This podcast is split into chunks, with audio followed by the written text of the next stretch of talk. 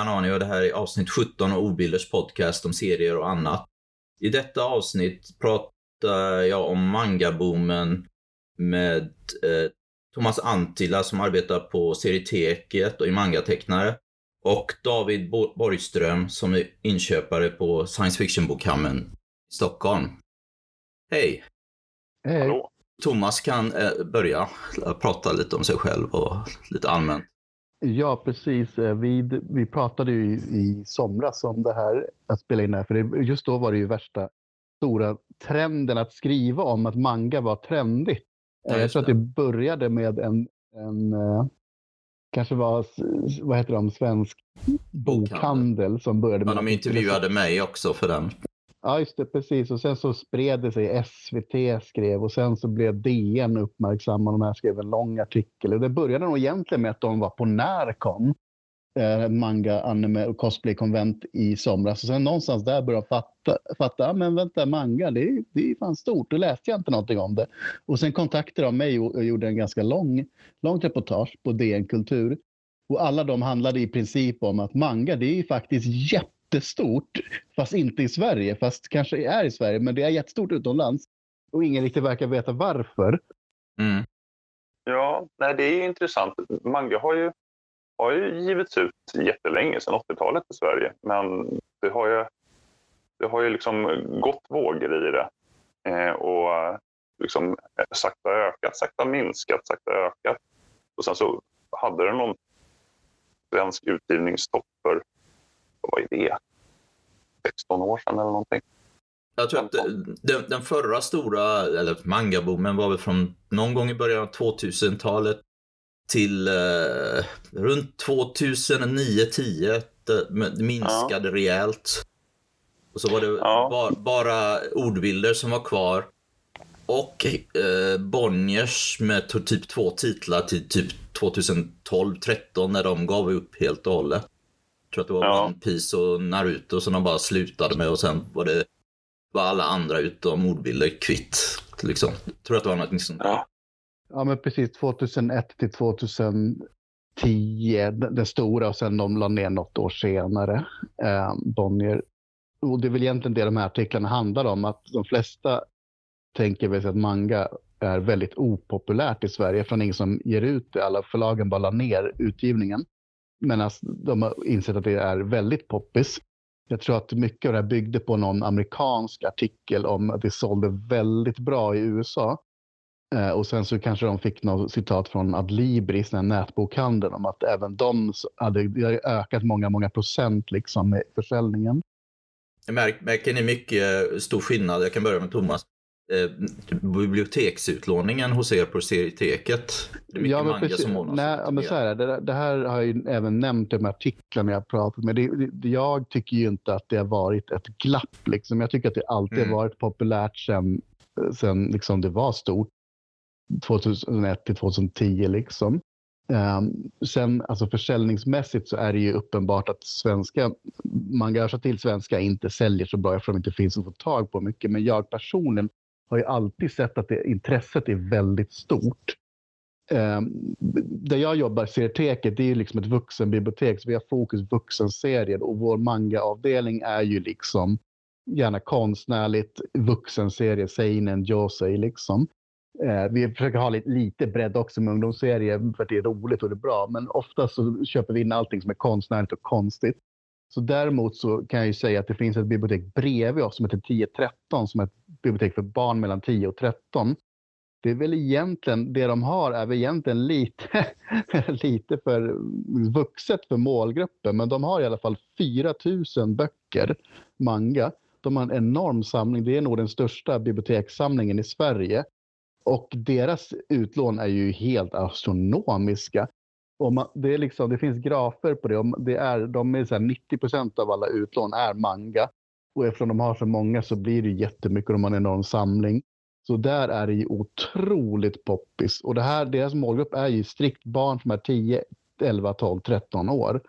Så det är absolut ingen någon så gammal målgrupp som läste One Piece när det kom för tio år sedan som hänger kvar. Det är verkligen unga människor som intresserar sig för det här. Så det är ju kanonstort, skulle jag vilja säga, intresset för manga.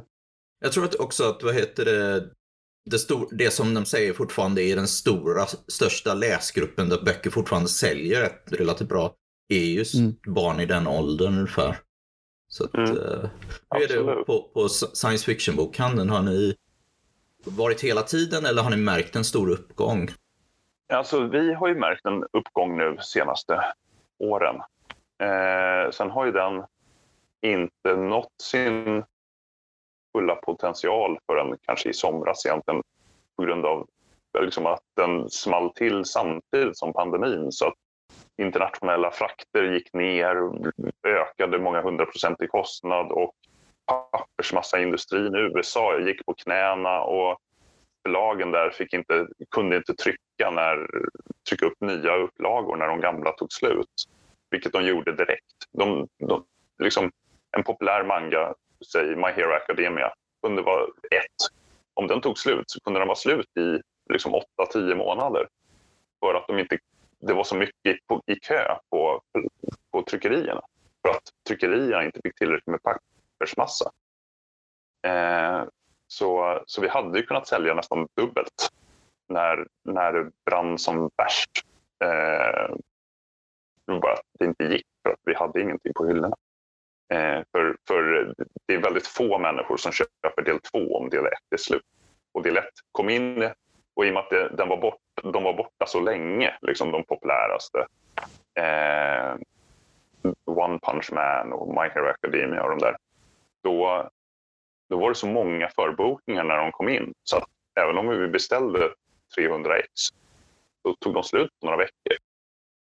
Och, sen så, och det gjorde ju alla butiker i USA också. Så då tog hela upplagan slut och sen så var de slut ytterligare tio månader. Är, är det äh, lite mera, vad heter det, tonårs eller är det lite vuxnare titlar som går bäst? Nej, det, det är ju... Ja, ja, nej, det är ju klassiska Shonen Jump-serierna liksom, som går okay. bäst.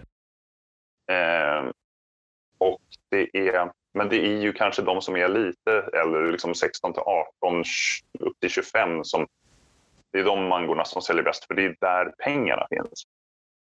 10 till 13-åringar läser förmodligen precis lika mycket, men kan inte köpa mer än någon manga i månaden, för pengarna räcker inte. Nej, det finns ju alltid ekonomin. ja. ja. Men, det, men, men det är intressant om vi blickar tillbaka de senaste 20 åren så så har ju manga alltid sålt mycket hos oss oavsett om det har varit en boom eller inte. Eftersom ju, ju färre andra aktörer som säljer manga för att boomen är över, desto fler kunder får ju vi. För att det central, eller liksom, alla kommer till oss då om de inte kan köpa någon annanstans. Ja, det, det, det, vad heter det, det, det, det var ju i stort sett det enda, science fiction-bokhandeln var väl i stort sett det enda stället där man kunde gå fysiskt och vad heter det, hitta mangat. Ja. Många år. Liksom när, när Bonnier och de där gav ut som, som mest eh, manga, då, då plockade ju många boklådor upp det. Eh, men i takt med att de... Eh, liksom det, det, är svårt för små aktörer med få bokhyllsmetrar till godo att ha mycket manga för att serierna blir så långa, det tar så mycket plats. Då är det där, ska man bara ha del ett och senaste delen eller ska man ha alla? Det säljer, var, det säljer mycket mer om man har alla.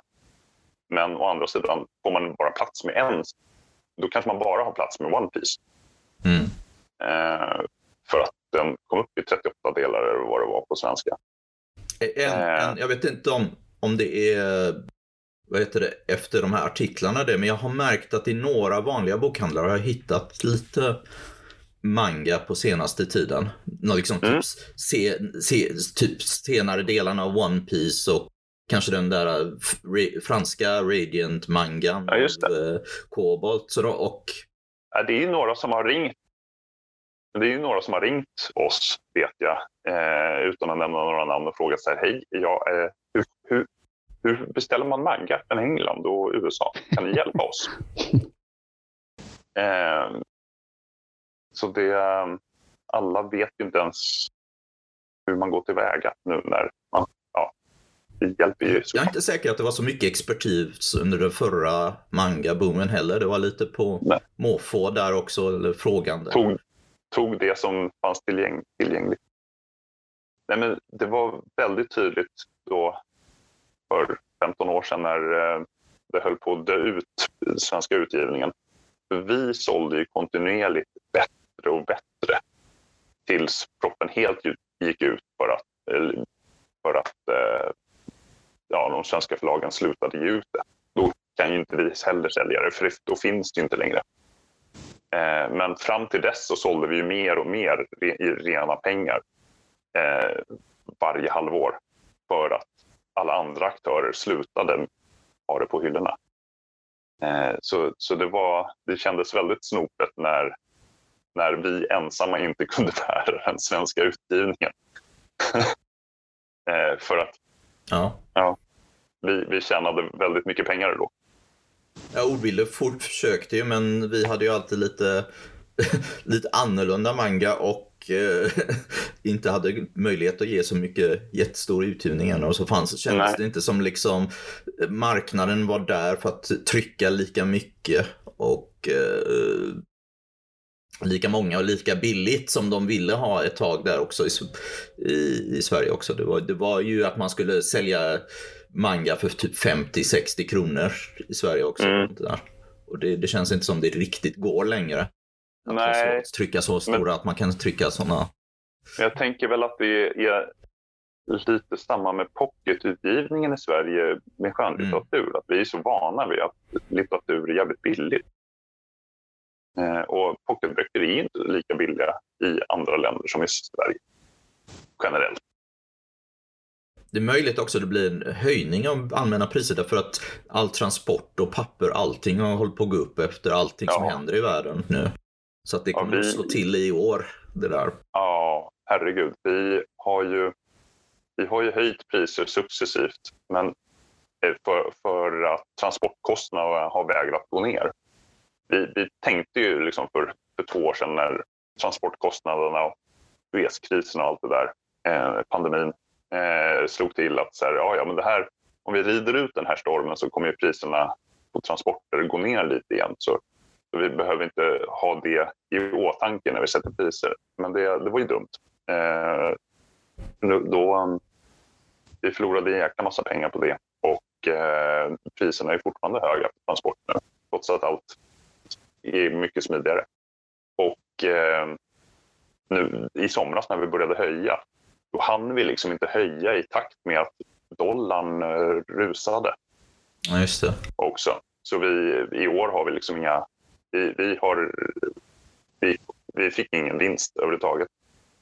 Eh, trots att vi höjde för, för fulla muggar. Mm.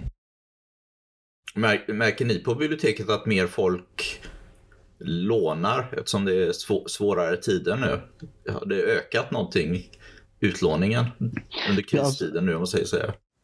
på gott och ont så kollar vi inte jättemycket siffrorna om det. Jag brukar mm. ibland hävda att vi kanske borde börja ha ett sånt tänk att öka utlån och sånt. Men tur nog så, hej, de, de stressar oss liksom inte om det. Jag personligen brukar också ibland kolla siffrorna för jag tycker det är kul. Och jag såg någon gång i typ våras eller var, var det väldigt nära en all time high. Vilket är väldigt, väldigt bra. för att mm. då, Och då jämför jag med liksom 15 år tillbaka. Och sen dess har vi haft renovering och bytt lokal och så vidare säkert fem gånger. Så vi är alltid, alltid två år och sen så stänger allting ner ett år och, sen det, och så fortsätter på det sättet. Så det är svårt ibland att hitta tillbaka till folk. Men det var liksom, det var väldigt bra siffror.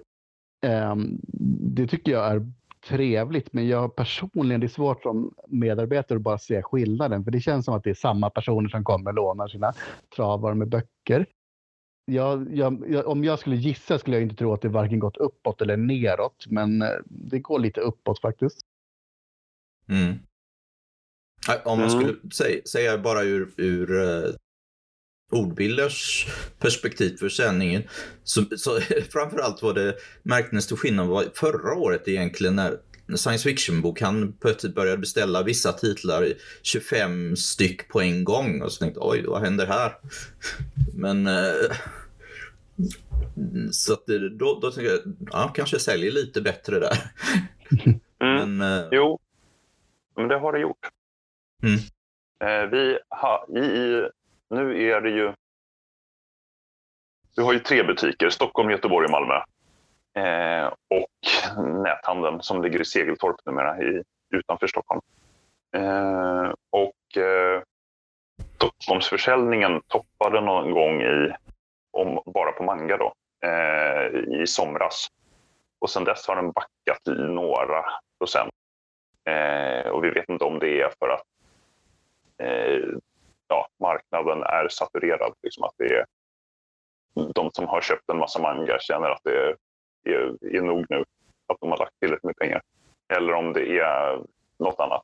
Eh, men eh, det kan ju ha varit så helt enkelt att alla som försökte få tag på de här svåra att hitta del ettorna har fått sina del ettor nu. När de amerikanska förlagen är i kapp äntligen. Eh, men Göteborg och Malmö ökar fortfarande. Okay. Ehm, och i, Göteborg och framför allt Malmö. Malmö är ju en mindre butik och har varit igång färre år och fick en ny lokal, för, större lokal för några år sedan som de redan håller på att växa ur lite. Ehm, där är det ju den, liksom hela deras sortiment ökar ju hela tiden mycket mer än de andra butikernas. Det har ju säkert att göra med det också, att de, de som butik i stort ökar väldigt mycket för att fler och fler upptäcker dem fortfarande. Medan i Stockholm så har de flesta upptäckt oss redan. Mm. Ur perspektivet eh, de svenska läsarna, så, i alla fall yngre, eh, någonting som jag tycker jag märkt, och jag har märkt att folk andra pratar om är lite det här att det inte lite, känns inte lika självklart att yngre vet vad manga är längre, utan de har mer koll på anime. Och att Eh, ja. Såg till exempel Lisa Medin skriva någonting på Twitter relativt nyligen om att uh, någonting i den att hon nästan får, att hon mer får förklara på de här serie, manga-workshopen eller någonting vad manga är för någonting. De har koll lite på anime och jag har hört oftare också de där animeböckerna. Anime istället för uh, manga. Jo, men det började väl när Netflix storsatsade ju på anime för några år sedan. Ja, och fick dessutom hela Studio Ghiblis eh, utgivning. Eh, bortsett Eldflugornas grav. Eh, och då blev det ju tillgängligt på ett helt annat sätt. Tidigare hade man ju här, behövt VPN-tunnla eh, Crunchyroll eller ladda ner för att se det mesta. Mm. Eh, och nu fanns, sen, sen några år tillbaka finns ju rätt mycket rätt populära animeserier och filmer på, på Netflix. Och Netflix har ju nästan alla. Ja, precis. Jag, jag trodde först inte att det skulle få sånt stort genomslag. När det, när det direkt kom tänkte jag yes, äntligen. Men sen när jag pratar med kollegor och liknande, de har ju ingen aning om det. Och Netflix är ju så lurigt att den visar ju saker som man vill se och vill man inte se det så dyker det inte upp. Men sen dess har jag hört väldigt många prata om det, så jag tror att det har nog bidragit lite till intresset. Eh, till exempel de serierna som eh, går på Netflix, i mangaform blir de ju mer populära då. Um, så man får ju hålla koll lite vad de lägger upp för grejer så man vet vad det här folk gillar. Liksom Uh, vad är det, Seven Deadly Sins. Eh, jag kommer typ inte ihåg vad det är på Netflix. Jag konstaterar att de la upp massa grejer och sen så bytte de typ inte på några år. Så det var ganska tråkigt att de inte bytte, men ja, ja jag prenumererar fortfarande för att stötta dem. Intressant att, att Demon Slayer hade ju en stor boom och de var ju inte på Netflix tror jag, inte i Sverige i alla fall. Nej, precis. Demon Slayer-boomen är ju väldigt märklig för att den var ju även jättestor i Japan och där blev ju den långfilmen den mest inkomstbringande sedda filmen liksom och den gick om Spirited Away som hade haft den positionen i typ så 15 år. Och det, här var ju... det är under pandemin, ja. Precis, under pandemin. Så det är någonting som inte stämmer om det är att man kunde streama den eller om det är att de biljetterna var så dyra så pengamässigt så gick den om. För jag får det inte att gå ihop liksom. Sen innan hade ju Demon Slayer, varenda en av de 23 volymerna låg ju på topp 50-listan. Så topp 50-listan var ju så här, Demon Slayer, första volymerna 10 platser och sen är något annat. Och sen 10 volymer till Demon Slayer. Så den var ju otroligt mega populär eh, i Japan. Så egentligen är det lite konstigt att alla ville se filmen då, men det märkliga är ju liksom att det är en serie som är så otroligt stor över hela världen som bara är i Sverige. Nej, den finns inte. Det är sånt intresserade vi oss inte för. Men jag vet inte om det är för sent nu att släppa den för förlagen. Men jag tror nästan det skulle funka. Men det var ju verkligen ett, ett fönster. De hade kunnat sälja hur mycket som helst. Ja, det är möjligt att om man hade kommit in där just där i början. Där, men, äh, för ett tag sedan. Ja. Men, äh, jag tyckte också det var intressant att själva att, att Demon Slayer-filmen till och med visades i Sverige, bara liksom filmen. Mm. Så liksom... Och fick helt okej okay betyg också av recensenterna, även i DN och sådär. Precis, jag läste ju mangan upp till filmen bara för att jag tänkte att man fattar ingenting om man inte har gjort det. Men jag vet inte, filmen var ändå lite anpassad för folk som inte hade läst det. Så jag tror att man skulle kunna förstå. Men jag har ju många personer som har sett, vänner som har sett den filmen så att de fattar ingenting. Så jag vet inte riktigt. Det beror väl på hur van man är med sån Sean Jump bullshit lore liksom. Men nej, jag tyckte det var en bra film. Jag är väldigt nöjd att den gick på bio. Det var kul eftersom det är den mest inkomstbringande film, eller mest sedda tecknade filmen i Japan. Men just den biten har ju gått väldigt bra. Det finns ju otroligt mycket film på bio nu. Det är ju någon form av peak liksom, eller rekord. För så här mycket har det aldrig varit, rätta mig om jag har fel.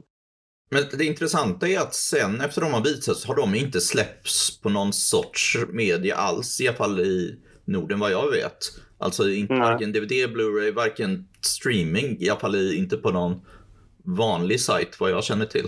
Nej, jag har... I, I somras så tog jag in den, eh, eller om det var i höstas, beställde jag in den från England på DVD och Blu-ray.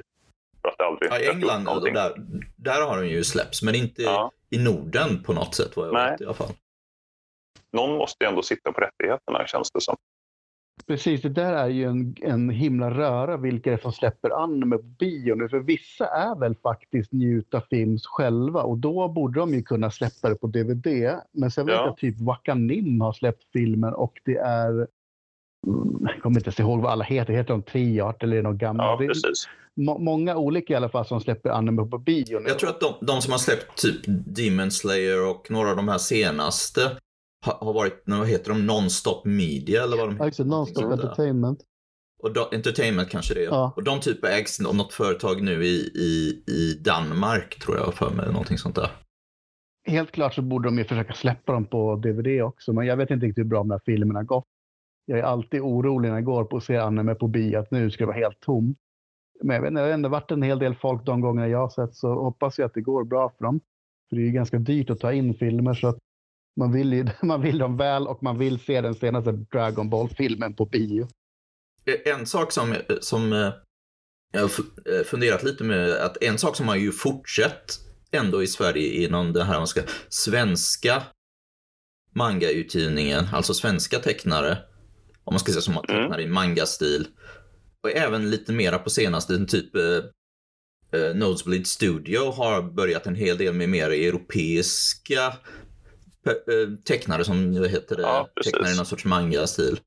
Och nu Kobolt ja. också med den franska mangan. Och det, ja, det har ju lite som... Eh, jag, jag undrat lite mer om det har... Därför det var ju ett tag, i alla fall under typ förra mangaboomen, där det sågs ner mycket mer på eh, det. Mer än det gör idag kanske, har jag en känsla av. Jag vet inte. Ja, men alltså min magkänsla, nu får ni rätta mig om jag har fel, är att det som ges ut i så kallad mangastil i Europa nu numera är ganska bra. Ja, jag tror att det har gått upp. För, ja, för Kvaliteten har gått upp tror jag. Också, bättre än för 20 år sedan. När det mer var liksom manga-imitatörer som försökte och inte riktigt lyckades eh, få det att, att vara lika bra serier att det var mer entusiaster än folk som faktiskt visste hur man fick en bra serie. Och sen gavs de ut för att eh, förlag där, oh, men det här, manga är hett, det här ser ut som manga, vi ger ut det. Eh, snarare än nu när, när jag bläddrar i dem och tycker att men fan, det här har ju kvaliteter. Det är, inte, mm. det är inte bara att det ser ut som en japansk serie utan det, det står på egna ben. Vad är ditt perspektiv Thomas som är en tecknare inom den och känner många som håller på med det? Ja, alltså min, min tanke är att det är som övrigt i seriebranschen att när det finns pengar så kan man locka fram talang. För tidigare var det, alltså i seriesverige var det ju verkligen lite jobb på det, men nu om man gör en serie så kan man ju dels ge ut den på Nosebleed men dels också få ut den på internet och faktiskt lyckas med det. Det finns ju åtminstone två, typ tre tecknare i manga-stil som liksom får pengar från internet för att livnära sig på V-tappas, Webtoon och allt sånt liknande. Och all, alla ekonomiska grejer gör ju att kvaliteten ökar för då går det liksom att livnära sig på det. Den här Radiant, den är fransk va? Mm, den, ja. den kommer ju inte från ett vakuum för i Frankrike har ju manga varit väldigt populärt väldigt länge. Men jag antar att även den inhemska utgivningen, eller alltså tecknandet, har väl, det brukar alltid ses ner på av någon anledning. Men efter många år så har den liksom kommit och blivit bra och Radiant är ju utgiven i Japan. Det, den är en fransk person som tecknar för Japan och den har även blivit till anime. Så den är ju väldigt framgångsrik. Eh, och det beror ju på att de har hållit på länge, att det har säkert funnits massa sådana småförlag i Frankrike där man kan rita och sen byggt upp liksom ett momentum. Så vad jag förstått de i Noseby, det är väldigt många olika förlag i Europa som de plockar grejer från och det är säkert de bästa eller de mest framgångsrika i olika länderna. Så att de, det kanske är en lite förljugen bild det de släpper. Det är väldigt mycket bra. Eh, vissa av titlarna känner jag till innan också. Det är bra grejer de, de ger ut. Eh, sen jag tror att också egna... mycket de, eh, typ jag pratat en del med Natalia, eh, det, det, det, var mycket under flera år sedan som det var, de hade massa titlar som hon tyckte var väldigt intressanta. Och liksom, jag kan inte fråga oss till exempel, inte, inte ni intresserade av det här? Så blev det liksom, eftersom vi inte nappade så blev det liksom, ja men då måste vi ge ut den själv. Jag tror att mycket var sådana grejer också. De släpper ju verkligen mycket nu så det är trevligt att det är någon som tar den här branschen på allvar. Liksom. Den är ju det beror på hur hardcore manga-nörd man är, om man tycker det är manga eller inte. Den är lite skild på så sätt eftersom det inte är japaner som ritar, men det är en väldigt spännande bransch och det är kul att den äntligen når Sverige. Det ska de verkligen ha all cred för. Jag hoppas att de säljer bra så de kan fortsätta det här projektet. Mm. Men den svenska, liksom, om man är svensk tecknare, det är fortfarande ganska svårt. Jag efterfrågar egentligen fler förlag och sånt som släpper svenska som ritar i manga-stil. Liksom. Den har ju inte riktigt kommit ikapp. Men just serie-Sverige är egentligen lite kopplat från manga-Sverige för det är så jäkla mycket mindre pengar. Liksom när One Piece kom så sålde de 10 000 böcker per, per nummer. Liksom. Och det är ju ingen siffra som serie-Sverige vanligtvis kommer upp till. Det är bara de mest populära som gör det. Så det, alla förlag och liknande är ju mycket mer amatörprojekt. Liksom. Det är därför det är så bra att de Kobolt går så himla bra. Det var ju intressant Kobold. att Egmont hade ju en tävling alldeles nyligen. Eller nu. Mm. Där, där de letade efter, det stod inte bara manga, men det, står, det var lite riktat åt det hållet också.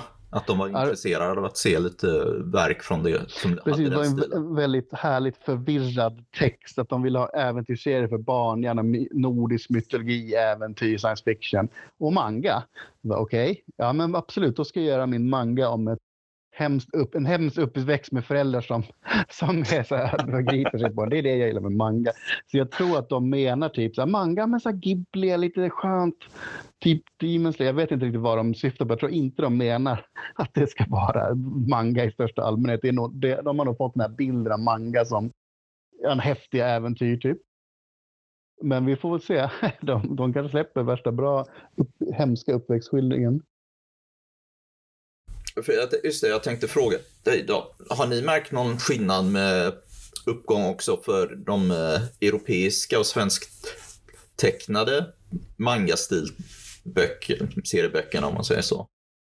Jo, alltså så både ja och nej. Det är inget specifikt sug efter det, men eftersom manga generellt säljer bättre så säljer ju de också bättre. Delvis också för att de finns. Alltså det är ju nu när de finns så säljer de. tidigare fanns de inte. Då sålde vi dem inte. Så det är klart det är en uppgång, men det är ju från noll egentligen. Är det fortfarande en del motstånd för, för att det är på svenska? Jag har inte hört det. Eh, alltså, jag har en son som är nio och som läser på engelska. Eh, men han läser ju precis lika gärna på svenska. Okej. Okay. ja. Eh, jag tror att det är en liksom övergång ja. där någonstans vid 13-12 års åldern. De kanske blir lite mera, ja nu ska det vara på engelska. Ja, det är ju det är lättare att fortfarande tycka att dialogen är tuff om den är på engelska. För mm. att det blir det här avståndet. Man, man, det, är, det är svårare att upptäcka dålig dialog om den är på ett språk man själv inte är uppväxt med. Ja, precis. Det, det, det, är någonting som har pratat om, eller diskuterat en antal gånger. Att det, just mm. det där intressanta med att engelskan är, många inte ser de där små nyanskonstigheterna på lite sätt så de får inte ja, jag, jag ja, kommer ihåg här. Eh, när One Piece fortfarande gick på svenska att det var många som tyckte att One Piece-dialogen var töntig. Eh, för att de, men, men det var ju meningen. Det är ju, den är ju töntig på japanska också för att de överdriver alla attackerna med sina namn och termer med flit. Liksom. Eh, för att det, det är en, på många sätt en parodi. Eh, och, och det märker man inte. Liksom, tail, tail, eh, Ten-tailed dragon attack låter ballare än tiosvansad drakattack. Liksom. Det, ja, det, det är svårt att komma undan. Men sen, sen, kan man ju, man måste ju faktiskt ändå lyfta frågan att folk fattar ju inte vad anime och manga är. För mm. de, de kollar på anime. Och, och för att det, de ser det på amerikanska, de ser det på YouTube och liknande. Och allting är från ett amerikanskt perspektiv. Så jag tror att vissa tänker nog sig att det är amerikanska grejer där liksom. Men sen oh, jag vet... Det har jag svårt att tro. Grejen är att det är helt helt omöjligt att veta varför folk skulle föredra på engelska när det finns på svenska. Så att jag vet inte, det är ett stort mysterie varför de beter sig på det sättet. Men i, inom vissa fall med svenska översättningen kan jag lite förstå eftersom de skilde sig ganska mycket. Liksom. Men är, jag har märkt det jättemycket också att folk är så otroligt intresserade att det ska vara på engelska när det finns svenska tillgängligt. Det är helt obegripligt. Och eh, när det kommer till uttal så säger de anime för att kolla på så här YouTuber, streamers och liknande som recenserar det och då, då mm. det blir väldigt amerikanskt perspektiv på det. Men ja, jo, det vore ju tragiskt om inte visste att det var från Japan ens. Ja, vi har ju fått det bara så sent som mm, förra typ Närcon eller någonting var det några som kom förbi och tittade på Rands magiska värld och sa det här, det här är kul, den här liksom inte... Men har du den på engelska? Okej. Så det, det är inte alltid jätteroligt att höra det som ett förlag, men ja. Det är svårt för mig att, att leva sig in i, för att när jag började med det så var det allting på engelska liksom, så att det kan inte riktigt relatera till hur, hur man, man, skulle vilja föredra på engelska. Jag antar att om man är typ 13-14 och kan engelska så är det lite häftigt liksom, men att det skulle jo, vara bättre det... kvalitet och så. Jag tror att jag tror helt enkelt att det är det här avståndet. Att det är, det är lättare att få det att låta tufft på engelska. Mm. För att man inte, man märker inte, man märker inte dålig dialog på samma sätt. Sen, sen vissa översättningar är också slappa, att de har kvar massa så artighetshonoriff, vad, heter det, artighets, vad kallas det? Sån här tan, San och, och Chan och sånt. Och de, de, har, de har kvar så mycket de bara kan för då behöver de översätta mindre. Liksom. Medan svenska översättningar har varit ganska gedigna. Att man verkligen vill göra ett bra jobb och översätta så mycket som möjligt. Och vi, sådana kulturella grejer kanske är viktiga för läsarna faktiskt. Mm, så man kan inte ta bort dem. I Jotsuba kom ut fyra delar på svenska för massa år sedan. Där hade de ju kvar det och fick mm. det att funka rätt bra i den svenska dialogen, trots allt. Eh, och jag tror att det var... Jag tror att eh, många, tyckte, många svenska läsare tyckte, gillade det. För då kändes det som... Den, var så, den, den är så tydligt japansk i övrigt. Så det, det kändes naturligt att de valde att ha kvar det i dialogen eftersom det, ja, det handlar om Japan. Ja, fast jag tror att, den, den, att det blir, eh, alltså även i böcker övergång, det var någon sorts övergång. För det började ju med allt piratmanga. Och det var fanöversättarna som sen fick jobb på förlagen. Och så tog mm. med sig det mycket av den här fan, fanöversättningsstilen in i, i dem också. Så har det blivit liksom, blev en trend. Och så blev normen på något sätt, i en delar i alla fall.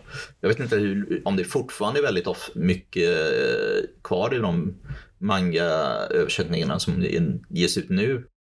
Alltså det är fortfarande det fortfarande är kvar är att de är väldigt låg budget, det är lite pengar till översättning i USA. Mm. Eh, och det gör ju att om man kan ta genvägar så gör man det. Om folk ändå inte vill ha översatt liksom artighetsfrasen kan man lika gärna köra på liksom.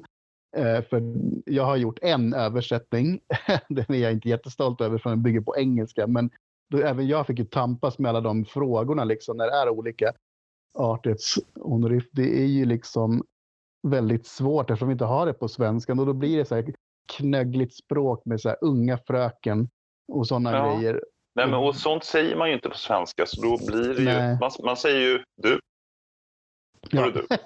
Tjena. Precis. Liksom. Men, men så här, förolämpningar är också väldigt svårt att det är så här jätteoartigt att säga du på något konstigt sätt. Men, och då är den närmaste översättning är din jävel eller något liknande. Men det är inte riktigt det de säger så det är knepigt. Men jag tycker att det egentligen är bra när man låter det vara så lite som möjligt översatt. Jag tycker det är kul att läsa i andra kulturer. Men jag vet inte riktigt barnen, ungdomarna som läser det, deras syn är om det är häftigt med ett andra språk eller om det bara är häftigt för det är annorlunda. Mm. Eh, men det har ju ändå gjorts lite försök nu mer senare. Jag menar, eh, förutom den där manga-tävlingen så har ju Egmont återutgivit den här uh, japanska Kingdom Hearts. Disney. Ja, precis. Så att det, det, de, de, de nosar ju lite på de olika. Det finns ju mm. rykten om att eh, kanske Bonniers nosar på någonting men Ja, men precis. Jag, nu ska jag inte vaska Bonniers grejer, men genom åren är det många olika människor som har sagt ja, Bonnier funderar på att släppa grejerna igen. Eh, jag vet inte exakt hur svårt det skulle vara, men det verkar ju som en väldigt given grej att bara ta alla gamla böcker och trycka upp dem igen. Liksom fixa licensen till det. För de skulle ju sälja väldigt bra. På biblioteket är det ju alltid krångel för att varenda mangabok vi har på svenska är utlånad hundra gånger och de faller bokstavligen isär. Och det är så är det på alla bibliotek, liksom, att det går inte att få tag på dem. Så att om man lagar dem så länge det bara går. För försvinner den så försvinner den, då är det kört. Eh, så det finns ett jättestort tryck efter de här böckerna och därför skulle det vara väldigt enkelt för dem att bara, de behöver inte ge ut något nytt, de behöver bara släppa allting de har släppt. Liksom. Ja, och, det skulle eh, vara en väg att gå. Ja, men sen det var ju lite snack i artiklarna i somras om att nej, men nu börjar det faktiskt hända saker med Kobolt och Egmont. Kobolt är det de som har släppt någonting på japanska? Egmont har släppt... Eller är det Egmont som har släppt på japanska? För det, vissa grejer, alltså Radiant som sagt är ju... Ja, den är väl egentligen manga i och för sig, men ja. den är en fransk person som har tecknat. Tekniskt sett är ju, är ju Åsa Ekströms eh, Mitt liv i Japan från ja, japanskan direkt. Och den är översatt av, av, från japanska av My Bergström också, så det, det, är ju mm. tekniskt sett japansk manga. Precis, jag eh, förstår ju båda perspektiven att det är, är det släppt i Japan så är det manga, men ja, alltså, det, sen är det ju liksom, de, man blir ändå av med många sådana manga-delar, Radiant liksom. Um, det, det, märks på något sätt att det finns franska influenser. Jag vet inte riktigt om mangaläsarna i övrigt, om de snappar upp det här eller om det går bra. Men hur som helst är det trevligt att förlagen börjar nosa i de här vattnen igen. För det, länge har det varit någon slags syn om att det är Bonnier som styr den här marknaden. Om Bonnier inte vill så tycker ingen annan heller att det är värt att satsa på den. För om inte Bonnier gör det måste det funka jättedåligt tycker de. Men Bonnier har en egen syn och ser på det.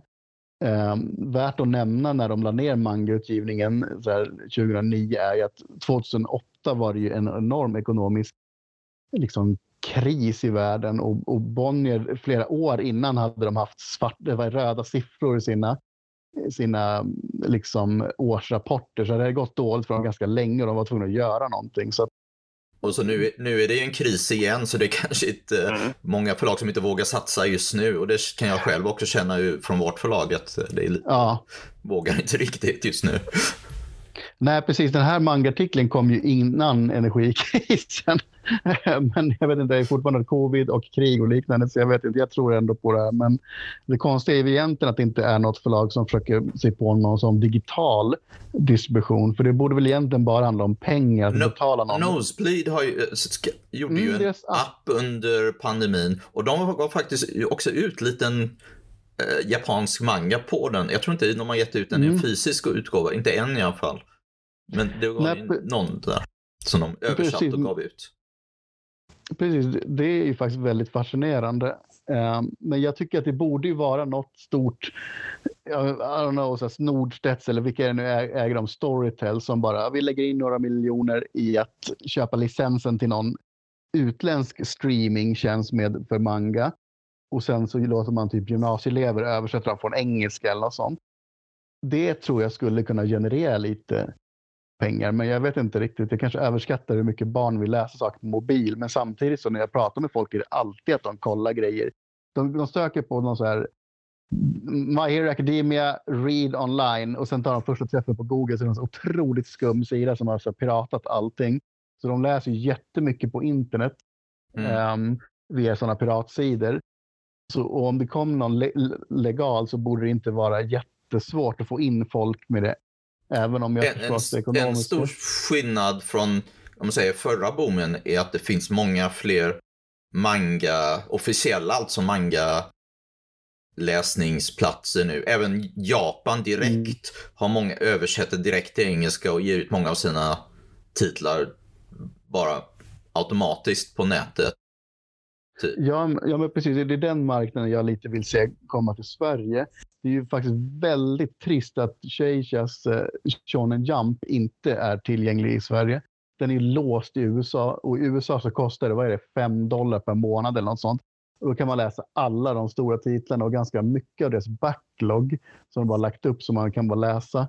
Det är helt otroligt faktiskt. Netflix för Shonen Jump liksom. Eh, men eh, jag antar att hemligheten där är att de har, de har väl alla sina original när de har släppt de här Wiz och liknande så att de kan bara ta det rakt av och inte göra så mycket jobb. En annan ja. stor skillnad med de förra, eh, inte ur, från oss, vårt perspektiv kanske, men eh, i att många av de här japanska förlagen har nu gått över till USA och ger ut fysiska utgåvor. Många Kodansha har sitt eget förlag mm. och många av dem har köpt upp andra. Och, så att det, de ger ut själva, att det finns mindre mellanhänder på något sätt i det. Skulle man säga. Ja, man skulle gärna önska att det kom något japanskt förlag och gjorde något så europeiskt förlag. För jag fattar att Sverige kanske inte är världens största marknad för, för dem. Men om de tänkte att alla små länder i Europa, det är en som förhandlar licens och de trycker dem liksom för olika länder. Det kanske skulle funka. För jag fattar också att det är väldigt svårt att förhandla med japanska förlag för de är lite krångliga. Men om japanska förlag själva intresserar sig skulle det ju vara bra. Men hur är det i Tyskland? Där ges det väl fortfarande ut en hel del? Ja, Egmont ger väl, både Egmont och Bonnier tror jag ger ut mycket mm. där. Ja, och sen är det väl det bisarra, vad heter de, uh, Tokyo Stop Tokyo Press. Ja, just det, de finns där de, de, de, de, de överlevde i Tyskland. Tokyo Pop. Tokyo Pop heter de, alltså, de i alla fall. Nej, men I Tyskland, Frankrike, Italien, där är det, det, är, det är en utgivning som finns i de länderna. Men ja, de är ju också otroligt mycket större, liksom 80 miljoner i Tyskland. Så jag antar att det är ett litet förlag är stort i Tyskland. Men ja, det, hur som helst. Jag, jag tänker egentligen alla mindre länder än så England, Frankrike, Italien, alla, alla, alla, alla länder förutom dem borde ju kunna gå, ha ett förlag som snappar upp dem och på så sätt kan få siffernummer i utgivningen liksom, om de ger ut i alla länder samtidigt. Liksom. Men å andra sidan, det var ju det som blev Mangismos fall, att de skulle ha hela Skandinavien. Och det gick jättebra i Danmark och Sverige och typ Finland om de hade det. Men sen i Norge gick det åt helvete ja, det. och det var det som gjorde att hela förlaget föll. Så jag vet inte. De, de la in, investerade massor i marknadsföring eller någonting i Norge och ja. gick åt helvete. Precis, och det kanske är en farlig idé. Ja, de lyckades ju till och med få in sin manga i så här, Pressbyrån och sådär. Det kändes ju helt galet. Ja, Komma men... in i Pressbyrån och bara, här står manga stället. Precis, det hade ju Egmont också och Bonnier hade i vanligtvis, de, de började i matbutiker men sen så gick de över till bokhandlar. tyvärr bokhandlar var, är ju en mycket bättre idé eftersom det är, då kan man köpa en backlog liksom. Det kan man inte riktigt göra på Pressbyrån och den kan, är där lite mindre tid. Det är en bra idé eftersom man når ut till mer folk, men den är dålig eftersom man har det lilla fönstret att köpa den och sen så köper de inte. Då sitter förlaget där med massa böcker som de inte får sålda plus jag, jag, tror att eh, de, de, mindre förlagen i alla fall som jag har hört någon som försökt inför någonting på typ Pressbyrån har sett det mer som marknadsföring på många sätt tror jag. De tjänar ja. inte så mycket på det. Men vad det, gäller, vad gäller det här med att ha eh, en, en eh, vad heter nätläsningsservice i, i Sverige. Det, Egmont gjorde ju ett försök och det, och det gick inte sådär jättebra för dem när de Ja, precis. Det. Nu vet jag inte hur mycket av det här som är företagshemligheter, men jag vaskar dem mm. ändå. Det var ju en person som gjorde det projektet och jag antar att om man inte får med hela bolaget på så kan det bli svårt. Kanske var före sin tid också, jag vet inte. Jag tror ju det är 100% framtiden med sådana plattformar. Det är trist att säga eftersom jag jobbar på bibliotek. Men jag tror verkligen det är möjligt, men jag, jag tror ändå att pengarna fortfarande ligger i de fysiska på något sätt böckerna. Det, det är inte ja, så men, mycket... Ja, men vad jag, ja. vad jag förstått i Japan så har det ju blivit att de digitala plattformarna har tagit över tidningarna. För tidningarna i Japan har i mm. princip mm. varit plus minus noll. De är liksom reklam för böckerna. Det är böckerna de tjänar pengar på. Och det tycker jag ändå är en acceptabel grej. Man läser lite diverse och sen det man gillar köper man på bok för att liksom spara. Men, Men där, det, ja. jag har ju en spaning där. Eh, om man kollar på Kobolts utgivning exempelvis så har ju de satsat ganska hårt på att återutge gamla fransk-belgiska äventyrsserier och sådär eh, som jag läste på biblioteket när jag var liten och har så här oerhört varma nostalgiska känslor för. Och då kommer de ut med ganska snygga samlingsutgåvor av Linda och Valentin och allt vad de heter. Eh, och det ligger ju helt rätt i tiden. Eh, för att jag nu är medelålders och har jättemycket pengar. Men det är väl en eh. trend rent allmänt över, jag menar även manga, även i Japan så ger de ut färgutgåvor nu på massa populära Pre One Precis, och... det är dit jag försöker komma. Att samla liksom bästsäljarna i snygga samlarutgåvor. Eh, lite större format, gärna lite fler färgsidor, en helt okej okay bindning istället för tråkig, tråkigaste möjliga billiga limbindningen och så vidare. Mm. Eh, tror jag skulle kunna funka även på svenska. Eh, de, de, har ju gjort Berserk och de här jätteutgåvorna. Mm, och de, de säljer så in i helvete bra. Och de kostar ju rätt mycket. Det är ju en, det är en rolig utgåva. Jag har ju läst Berserk i vanlig volym och i den stora volymen. Och det är kul när det är stort också. För de är stor, stor, stora sidor. Och den är fint inbunden i en bok man kan läsa. Jag tycker att de är briljanta. Men i Japan finns det ju även den varianten som är inte vanlig manga utan svinbilligt papper, dåligt mm. omslag manga. Kanske det man behöver göra i Sverige. De här 50 kronors volymerna svenska, de, de, var bra, men de behöver vara ännu billigare tryckta. Liksom, ännu sämre. Kan, ännu sämre, så att de verkligen kan vara värda så mycket. Då, det, det, med tanke på att vi inte kan trycka grejer nu, för brist på papper kommer det verkligen inte funka. Men jag mm. tänker det, ännu sladdigare omslag, ännu sämre papper. Så men kan man hålla det, den. Ja.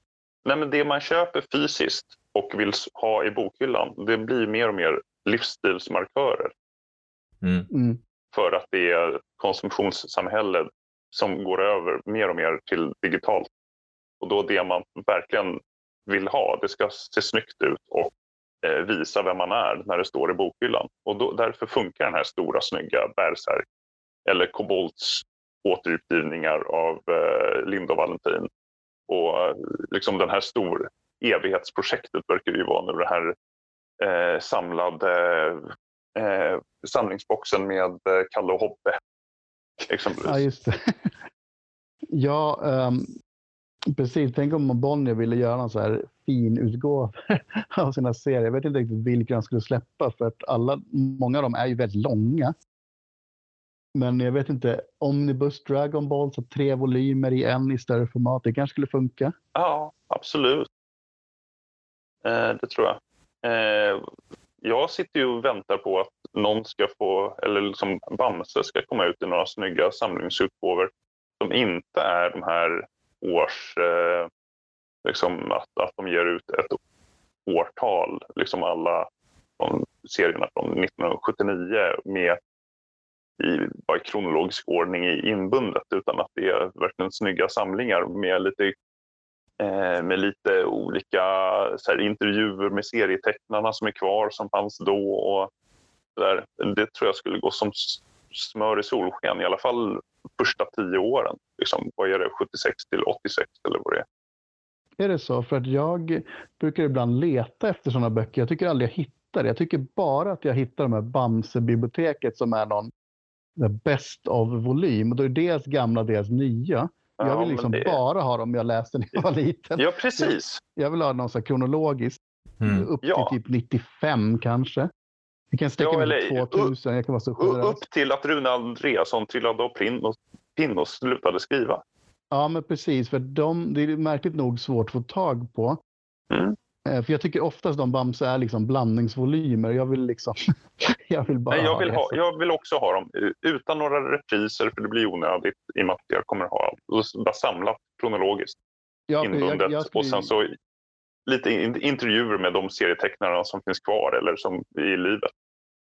Precis, jag skulle kunna betala premium för det här så jag förstår egentligen inte varför det inte finns. Mm. Men det finns många grejer jag inte fattar i Sverige varför det inte finns. Jag skulle till exempel kunna betala premium för en Astrid Lindgren-bok som är typ komplett Astrid Lindgren och sen tar man bort bilder eller sånt. Bara liksom en jättebok med allting hon har skrivit. Det finns ja, eller Tyskland... dela, upp det, dela upp det i två i alla fall, eller tre. Ja, det finns i Tyskland, jag tror att den är fem volymer och sånt. Den kanske har lite bilder också, men det finns liksom inte i Sverige. Det är ingen som Nej, riktigt nej, det är konstigt. Sånt där. I, eh, I Stockholmsbutiken framför allt, men även Göteborg och Malmö, så, så säljer ju vår, vår klassikeravdelning jätte, jättebra. Och då är det ju liksom snyggt inbundna utgåvor av samlade Jules Verne och sådär. Eh, eller liksom snygga inbundna utgåvor med eh, påkostade omslag med Dune. Eh, och återigen de här livsstilsmarkörerna. Eh, de, de säljer fantastiskt, även om det är liksom 300-500 kronor per bok. Ja, så... så sånt borde man eh, satsa mer på i Sverige. Ja, precis. Jag vet inte riktigt Kobolts siffror, hur det går för dem. Jag tror, jag tror att det går bra, men liksom hur bra det går. För det, om, jag fattar att manga förlag, eller förlag nu i Sverige inte vill släppa manga för 60 spänn och de mm. börjar sälja 10 000. Men om de höjer till 120 eller om de tar typ 200 spänn och sen finare utgåva, då behöver de inte sälja lika många böcker. Så det borde ju ändå vara ekonomiskt bra idé för dem. Jag, jag, jag kan bara säga det som vi släppte ju det har ju gått ganska bra för Amange-skogen för oss, så vi släppte ju en ny bara som en lite större utgåva av samma tecknare. Och kanske omslaget inte var mest actionspäckade. Och den var mm, typ 120 eller mera hamnade på. Nej, mer. Och den har inte sålt så jättebra. Och jag vet inte om det delvis var priset, trots att det var lite större, finare upplaga också. Så att eh, Mm, jag vet inte riktigt hur det, hur det är med det. Men det kan ju vara bara att det var inte det som, som de, det är inte, eftersom det är våra böcker framför allt, de som har sålt bäst är de som föräldrar köper till sina barn och som mm. lite yngre tycker är, ser lite roliga ut och gulliga på något sätt. Och att den kanske inte var det på samma sätt, i alla fall omslaget. Mm. Men, jag eh, kan tänka mig att du är något på spåren där. Jag, jag tror ändå på det här med saker folk känner till. För att jag köpte in A Silent Voice till biblioteket mest för att ja, men kul att ha den. Liksom. Det, det fanns på andra bibliotek, men de, de släppte den i en sån billig box för 500 eller någonting. Så jag tänkte, kan jag köpa boxen och så kan jag ha, ha lite mer på hyllan. Det var, det var mest en tanke att det var, jag gillar den, därför vill jag ha den. Men den har gått svinbra. Och det är ju, den långfilmen är ju ändå ganska känd, så jag tänker mig att det kanske är det ändå. Saker folk mm. känner till. Mm. Och tyvärr, Amanda Skogen, vad heter hon, Hissa Evoka, hon är inte jättekänd. Ja. Om hon fick en anime, då kanske skulle sälja lite mer. Tyvärr Helt så, klart. verkar inte Allt, hända. allt som kommer som anime säljer mer. Konsekvent. Det, det enda hon har fått är tv-drama för en annan manga tror jag. Och var nära en film för en annan manga. En ma- manga som, den här, det gavs ut en manga på engelska av hennes. Och den var nära Ja, att bli till film också, men så blev det ingenting av det. Jag tror att det är närmast hon har kommit till det. Alltså det är ju trist för det du släpper är ju bra grejer. Det är roligt liksom. Men ja, det har jag i alla fall märkt att folk gillar inte saker de inte känner till. Ja, det är det. Men det, det har också varit liksom samtidigt vårt perspektiv att försökt hitta sånt. Ändå att om så någonting utgivet på engelska redan så blir det mycket svårare har, har vi känt. Så att vi har försökt Mm. hitta det som inte är utgivet på engelska och helst inte piratat för mycket. Och kan vi få så bred liksom, läspublik, så mycket eh, åld, stor åldersgrupp som möjligt får det så är det ännu bättre. Och det har liksom eh, samtidigt eh, eh, är det lätt, har det varit svårare för oss att prata med de stora förlagen. Vilket har gjort eh, vårt urval har väldigt smalt. Vad vi kan välja från, Mm. om, man- från det. Så har gjort det lite svårare. Det är kanske dags att runda av det. Vi har pratat i ungefär 57 minuter nu så att det är nog ganska Mm. bra. Eh, har ni någon sista kommentar om eh, mangaboomen eller någonting annat? Ja, jag kan ju nämna att eh, jag brukar jobba på Närcon på somrarna. Eh, cosplayfestival liksom med ungefär 12 000 besökare. Och jag skulle säga Mm. att manga är väldigt populärt där. Eh, jag brukar fråga, så fort jag har chans att prata med besökarna så frågar jag ändå, kollar ni på anime? Och det, oftast är det folk som gör det. Sen så är det kanske inte alla liksom supernörd. Alla kanske har sett något, men det är inte så många som har sett liksom allt. Men eh, det är väldigt stort fortfarande och den, den målgruppen är ju snarare vad kan det vara, 15 till 22. Liksom. De är lite äldre än det jag vanligtvis Mm. träffar på jobbet. Men det är fortfarande poppis, liksom. det är jätte, jättestort. Så vi får väl se när förlag och liknande hoppar på det här Ja. tåget igen. När de inser att det faktiskt finns väldigt många potentiella köpare. Ja, hos oss så är det väldigt tydligt att det är anime-drivet, mangaförsäljningen. Mm. eh, vi, vi håller stenkoll på vad, vilka anime som går upp om ett halvår i, i Japan. Då dröjer det några veckor och om det finns som manga så smäller det till varje gång liksom, och säljer hundratals Mm. eh, på några veckor. Ja, det kan, kan jag tänka mig. Det, det där, jag, jag, antar att liksom, till exempel för Kobolt, så den där, eh, vad heter den, den nya amerikanska, lite manga-stilaktiga som kom på Netflix också, att det var en stor grej också. Att det, Heart Eh. någonting. Ja, jag kallar den manga. Okej, Heartstop. Det var lite Precis den, ja. stilen. Men, Ja. Ja, den, den har ju sålt... Eh, den, den har ju eh, sålt jättebra i Storbritannien och liksom de, de tryckte ju upp så, så, här, å- 80 000 ex eller någonting sånt där och sålde slut på en vecka. Mm. Eh, det är helt astronomiska summor för, även för en eh, brittisk marknad. Eh, Ja. Vi får hoppas att vi går mot en ljusare tid i allting. Ja. Så att vi kanske ska lämna det där och Mm. eh, hoppas på det bästa för framtiden. ja. Yes. Ja, Ja, det var tack så mycket. att Ja, detsamma. höras. Ja, tack så mycket. Tack, Ja, tack. tack själv. Hej. Ja. Hej då. Hej.